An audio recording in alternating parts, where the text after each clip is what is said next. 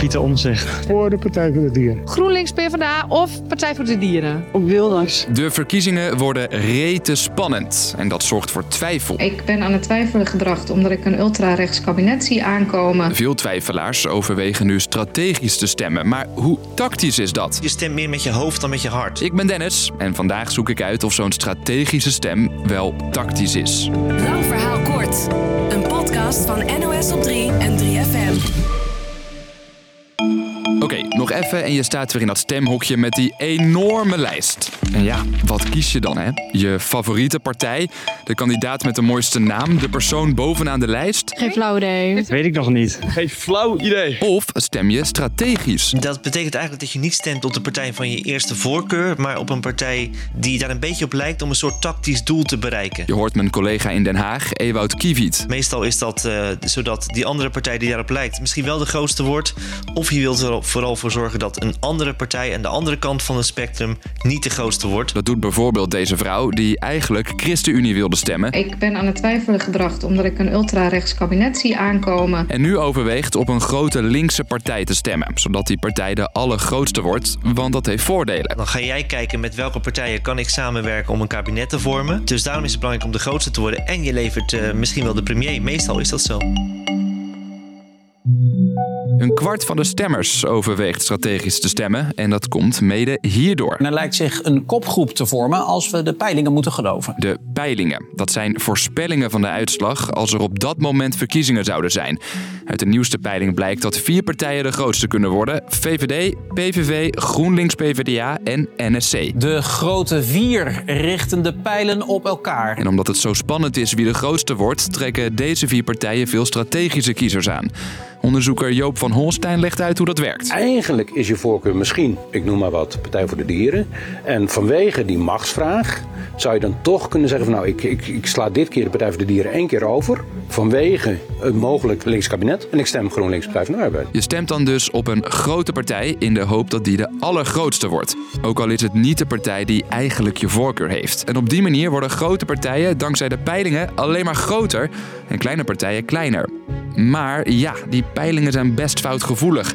Want veel mensen beslissen pas op het laatste moment. Dus ook al klopt het nooit helemaal, veel mensen passen hun stem wel op de peilingen aan. Als mensen dat zien, denken ze toch van: oh, dit is de waarheid. En uh, dat is vaak niet zo. Om die reden publiceren sommige landen helemaal geen peilingen vlak voor de verkiezingen. Doet Nederland dus wel, al is de NOS er ook voorzichtig mee, zegt Ewoud. Waar de NOS dan voor kiest, is om de peilingwijzer te gebruiken. Daarin zitten meerdere peilingen bij elkaar. En daar zit dan ook een marge op. Dus dat schept dan een beeld van hoe het er ongeveer voor staat. Maar het is niet exact. Oké, okay, of je je stem nou baseert op peilingen of niet, als strategische stemmer kun je de uitslag behoorlijk beïnvloeden. 19 zetels in 2017 en dat worden er maar liefst 27.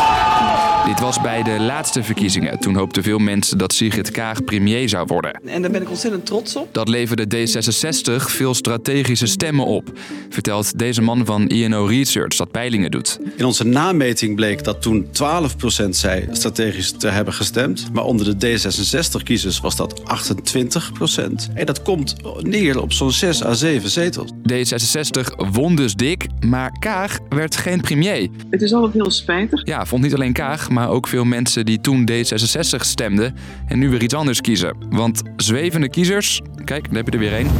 Die kijken niet alleen naar de partij die het beste bij hen past, maar ook naar wie wil ik dat er premier wordt en welke partij wil ik niet in de regering. Maar ja, zegt hoogleraar Joop, wie premier wordt of in een regering komt, daar heb je eigenlijk geen invloed op. We kiezen morgen een Tweede Kamer, dat lijken we soms te vergeten. Uh, de, de, we hebben allemaal partijen die, die minister-presidentskandidaten voorstellen.